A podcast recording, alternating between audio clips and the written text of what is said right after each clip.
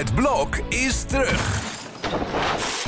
Vier koppels, vier bouwvallen, vier verbouwingen en dus een hele hoop stress. Het blok, iedere werkdag om half negen bij net vijf.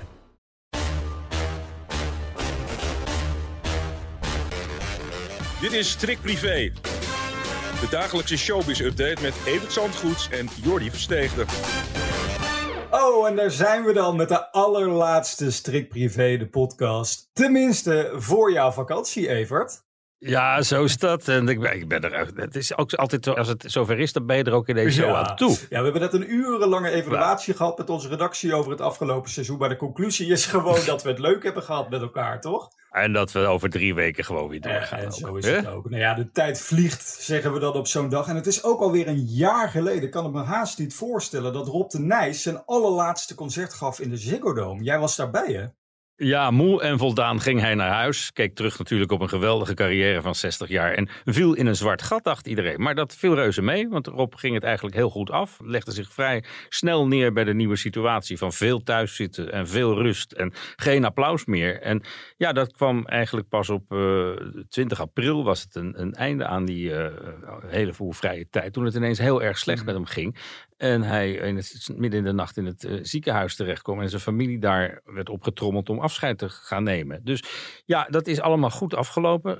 Redelijk goed afgelopen in ieder geval. Als je nu vraagt hoe het met Rob gaat. Nou, een stuk beter dan toen in ieder geval. En ja, het is een voortschrijdende ziekte Parkinson. Maar ja, hij is echt wel op de weg terug. En dat is wel heel knap. Daar had niemand rekening mee gehouden. Ik sprak zijn eh, vrouw Harriet. Want ze hebben wat te vieren eh, dit weekend. Ze zijn dan 15 Oh. jaar getrouwd. Ook nog eens.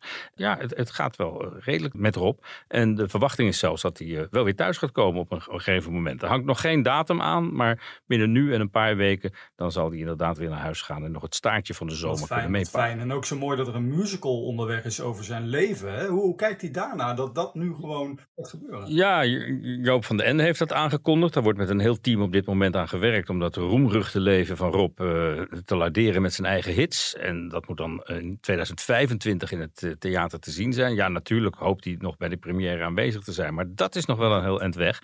Maar eh, het idee is goed, de uitwerking lijkt heel goed. Ook Joop sprak ik van de week en, en die vertelde ongeveer hoe ze het gaan doen. En ja, dat belooft toch wel een heel bijzonder verhaal te worden. Een hele mooie productie met een eh, prachtig thema. Dat leven van Rob de Nijs, waar we 60 jaar lang van hebben kunnen meegenieten. Want ja, al die decennia heeft hij wel hits Een gehad. icoon waar we trots op zijn, inderdaad. Nou, deze week hebben we heel veel sterren gefeliciteerd aan deze podcast. Hè. Maandag Glennis Grace, die werd 45. Gisteren hadden we Prince William op bezoek, die was eh, jarig. Niet tenminste allemaal, hè? En vandaag blijven we iets dichter bij huis, want Jeroen van de Boom is jarig. Dus ook daar gaan we even voor zingen. De strikt privé jarige van de dag. Hiep hiep, hoera!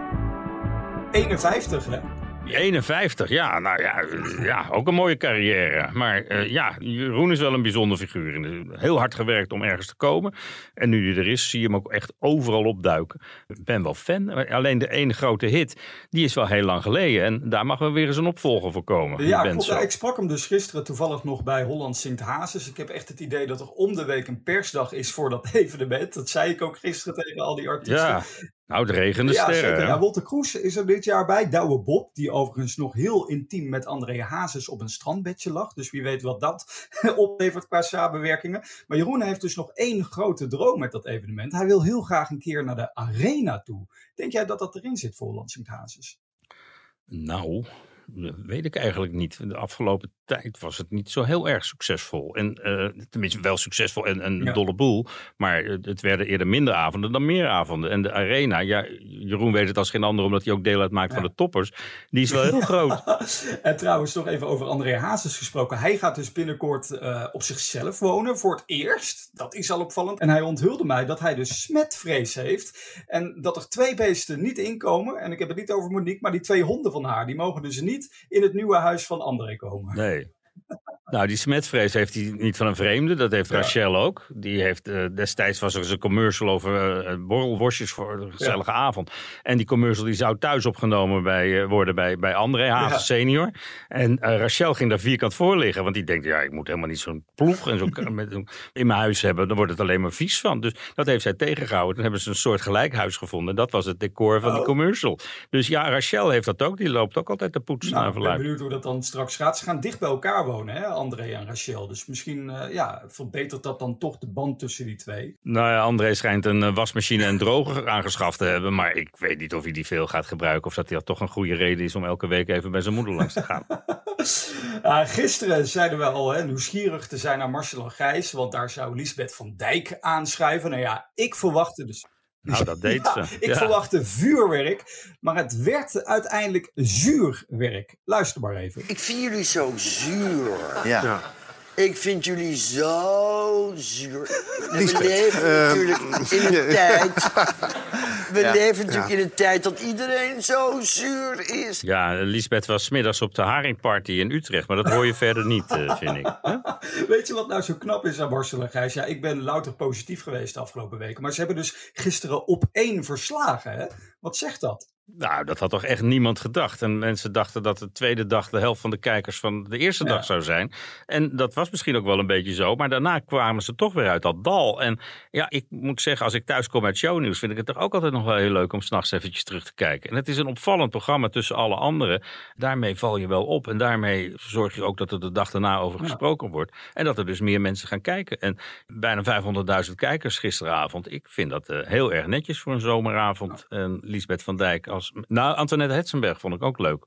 Die was heel sympathiek, vond ik. En uh, ja, met die twee vrouwen en die twee mannen had je toch een hele leuke uurtje kunnen hebben als je gekeken toch had. Toch wel jammer dat het dan de laatste week wordt die ze volgende week ingaan. Hè? Dan is het alweer voorbij. Nou ja, het was een uitprobeersel. En de mannen van VI die gaan wel vaker op vakantie. En volgend jaar is het natuurlijk wel weer een echte sportzomer met een uh, voetbal-event. maar ik denk dat zij toch als vervanger wel grotere kans maken dat vast te gaan doen dan er het in het begin naar uitzag. Wij uh, gaan onze vakantie ook bijna inluiden. Maar eerst gaan we naar de vervroegde persconferentie.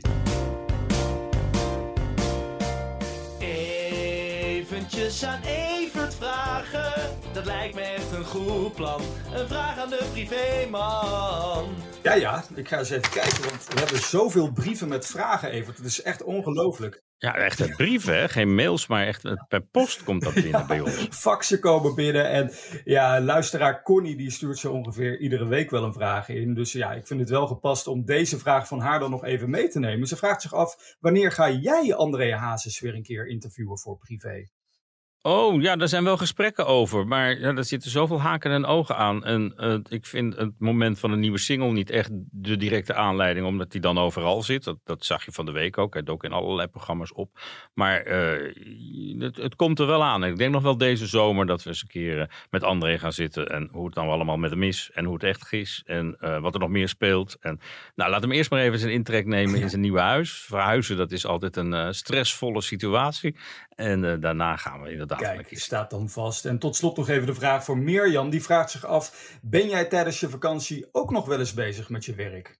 Uh, ja, dat gaat altijd door natuurlijk. De showbiz houdt niet op als ik uh, naar Italië ga. Dus uh, ja, regelmatig word je gebeld. En vorig jaar was dat natuurlijk dat concert voor Op de Nijs, waarvoor je dan even terugkomt. En ik ben ook eens op Ibiza geweest, omdat er toch nooit wat gebeurt op Koninginnedag. En dat was toen die aanslag in Apeldoorn. Toen moest ik ook terug. Dus ja, dat gebeurt wel eens. Maar ja, dat is part of the deal. Dat hoort bij het vak. En ja, als, je, als er zulke grote dingen gebeuren, dan wil je daar ook wat mee. Dus dan is het ook helemaal niet erg om even aan de slag te gaan. En de vakantie te onderbreken. En gelukkig heb ik een partner die daar uh, na 30 jaar ook wel aan gewerkt Kijk, nou ga er ontzettend van genieten, Evert. Jouw welverdiende vakantie. Dank voor de afgelopen tijd. Nou, we hebben nog een ingezonden dingetje. Namelijk onze vrienden uit Rotterdam, de Wannabees. Die hebben een nieuw tuentje gemaakt. En dat lijkt me lekker om deze zomer voorlopig mee te, even deze uitzending mee af te sluiten. En de zomer mee te beginnen. Als we die er ook nog even aan laten horen, dan komt iedereen in de stemming. De zon schijnt bij Evert goed met Jordi aan zijn zij, want het is zomer. Maar dat is privé.